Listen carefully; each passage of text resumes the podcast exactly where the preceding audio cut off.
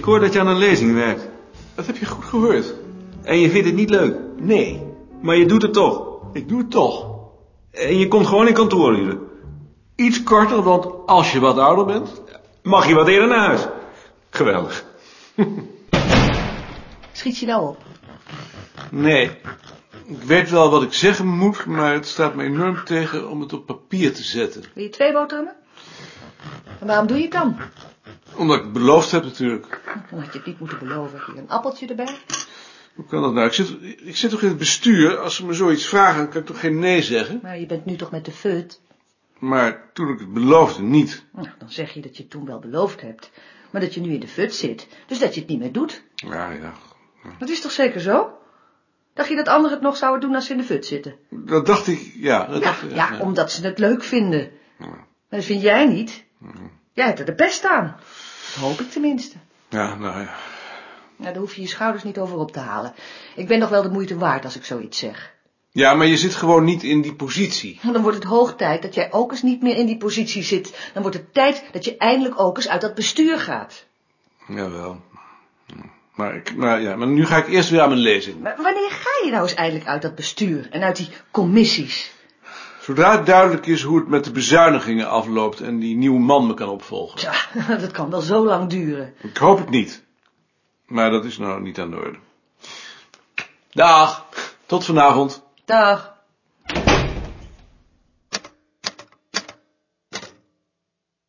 Ik heb hier een uitdraai van 13.2. Wil je die nog zien voor die naar de drukker gaan? Die wil ik nog wel zien. Ja. Wat jou betreft is het in orde. Ja. Dan geef ik hem wel een freek. Wanneer moet die lezing eigenlijk af zijn? 1 december moet ik hem inleveren. En haal je dat? Moet. Ik moet hem alleen ook nog in het Duits vertalen. Maar ik hoef hem pas in juni te houden, dus volgens mij heb ik de tijd nog. Lang van tevoren. Idioot. Maar dat zal wel Duits zijn. Nou, succes ermee. Dank je. Niet heel op stad. Dat je daar nou nog druk over maakt. Nou, druk. Ik ben nog verantwoordelijk. Zo kun je eh, toch niks meer maken? Jij zou het net zo doen. Ik geloof er niks van. Als je het mij vraagt, heb jij je werk eigenlijk ontzettend leuk gevonden. Dat is een misverstand. Maar het heeft je wel voldoening gegeven. Ook dat niet. Dat lieg je. Volgens mij ben jij zo ambitieus als de pest. Nee. Tenzij je bedoelt dat het mijn ambitie was om ieder jaar in het gouden boek van Sinterklaas te staan. Sorry, daar bedoel ik niks mee. Hoe bevalt het nou om weer hele dagen op het bureau te zitten? Reken maar dat hij het leuk vindt. Ja, Maarten. Matig. Maar je hebt nu toch geen verantwoordelijkheden meer? Dat niet. U vindt ons niet interessant genoeg, zeker. We zijn geen goed gezelschap. Integendeel, ik bewonder jullie. Toen ik vanochtend hier naartoe liep, voelde ik zo'n weerzin dat ik me moest dwingen om niet voorbij te lopen. Het idee dat jullie dat nog twintig of dertig jaar moet volhouden. Iedere dag opnieuw. Ik vind dat moet. Het zal wel moeten. Maar ik vind dat geen moed hoor. Wat, wat ik moedig vind, is dat je weer terugkomt om zo'n lezing te schrijven. Dat, dat vind ik moed. Ik geloof niet dat ik dat zou kunnen opbrengen. Ik wel hoor. Ik vind het iedere ochtend leuk om naar mijn werk te gaan. Jij ook, Gert? Oh, ik vind het geweldig. Altijd gevonden. Altijd gevonden. Zeg, eh, schrijf je dit soort gesprekken nou ook in je dagboek?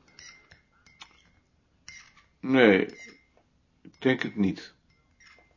Waar schrijf je dan over? Ehm, kleinigheden. Reacties. Ehm, bijvoorbeeld, bijvoorbeeld, eh, een van onze katten moest kotsen. Ik zet hem in de hoek van de douchecel. Stukjes van de papyrus en wat geel slijm. Ik spoelde dat weg. Daarna ging ik onder de douche en toen ik mijn voet verplaatste om de kou op te vangen, wat ik dus waarschijnlijk altijd doe, voelde ik dat de tegels glibberig waren. Ik draaide de douche uit, keerde me om, schoof mijn voet heen en weer om die plek schoon te maken en toen was ik plotseling uit mijn ritme. Ik wist niet meer of ik me altijd eerst met de dunne of eerst met de dikke handdoek afdroog. Denk je dat dat het begin is van dementie? Misschien een voorschot? Het zou kunnen betekenen dat dementie niets anders is dan verstoring van ingeroeste gewoonten. Ja, dat bedoel ik. Zulke dingen interesseren me dus. Nou, dan zou ik maar liever gaan fietsen. Dat lijkt me gezonder.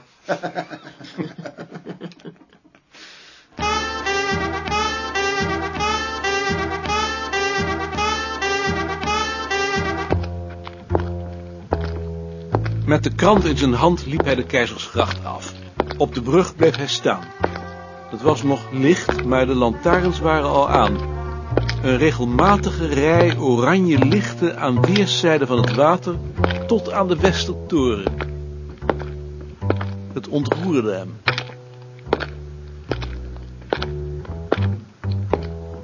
Als dit nu eens de zin van het bestaan was. Het waarnemen van kleine variaties in steeds hetzelfde stukje van de wereld waar je toevallig woonde. Hij liep langzaam verder en keek in dezelfde huizen naar binnen. In het café op de hoek waren de lampen op. Bij het raam zaten wat mensen. Aan de tapkast stonden er nog wat.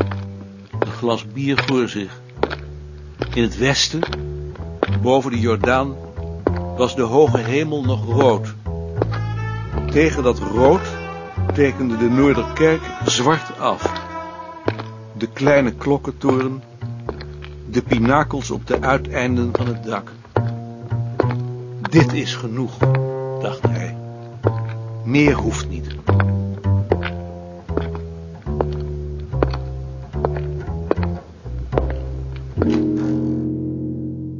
Na het ontbijt ging hij de straat op.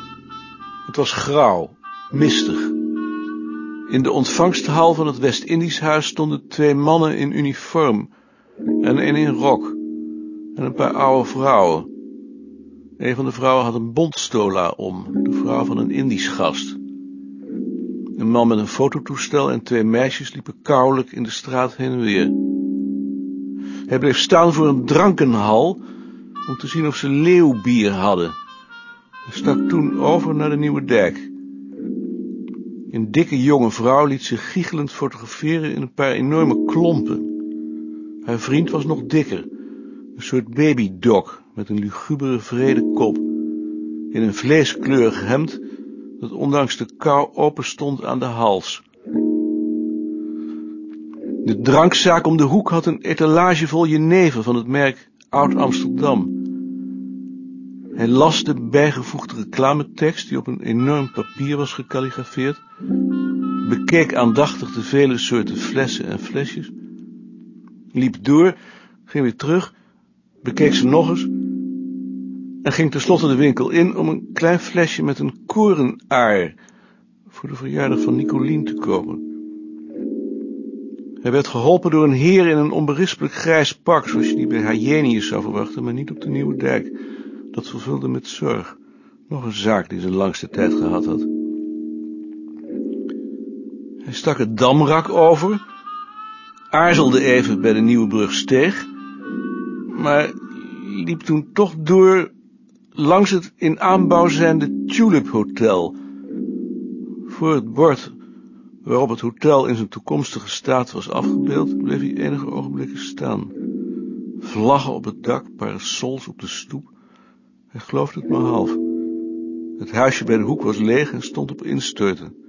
De gevel was met houten balken gekramd. Toen hij de hoek omsloeg, de Gelderse kade op, reed een auto rakelings langs.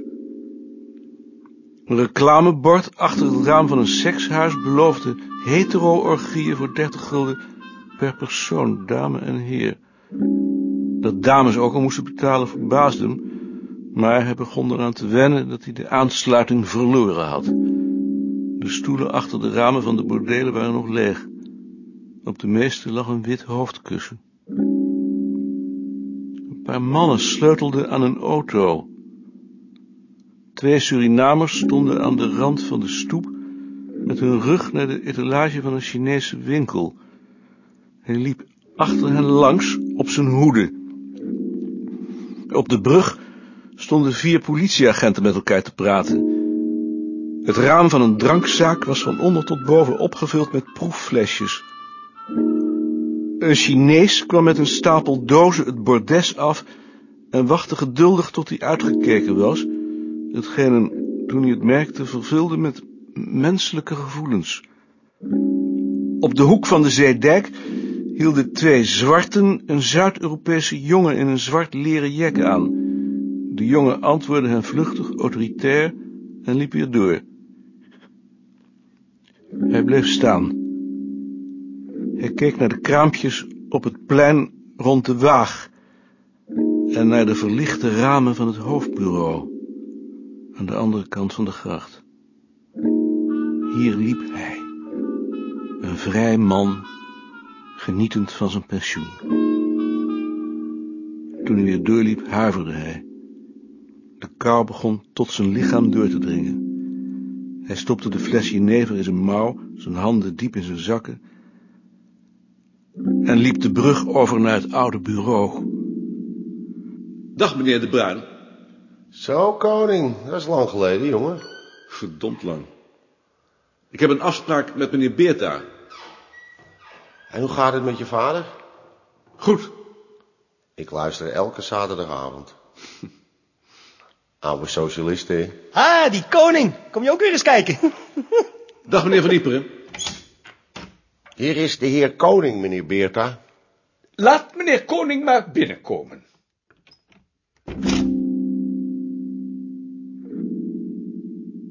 Aan de overkant, waar vroeger de melkwinkel was, bleef ik staan. En keek naar de verveloze groene deur. Achter het matglas zat nog het stuk karton, waarop hij op de dag van de verhuizing het nieuwe adres had geschreven. Het adres was door vochtplekken onleesbaar geworden. En wat gebeurt er nu met mij? Jij blijft bij ons. Als je dat wilt, tenminste. Wie zijn ons? Bart, Ad en ik. En hoe moet dat dan met mijn bureau? Dat komt daar ook te staan. Kan dat dan zo worden overgebracht? Nee, dat moet uit elkaar. Uit elkaar? Maar dat is verschrikkelijk. Weet je wel wat je daar zegt? Ja, natuurlijk. Dat bureau kan toch nooit door de deur? En ook niet door het raam? Uitgesloten. Maar dat betekent dat ik het helemaal moet ontruimen. Ja,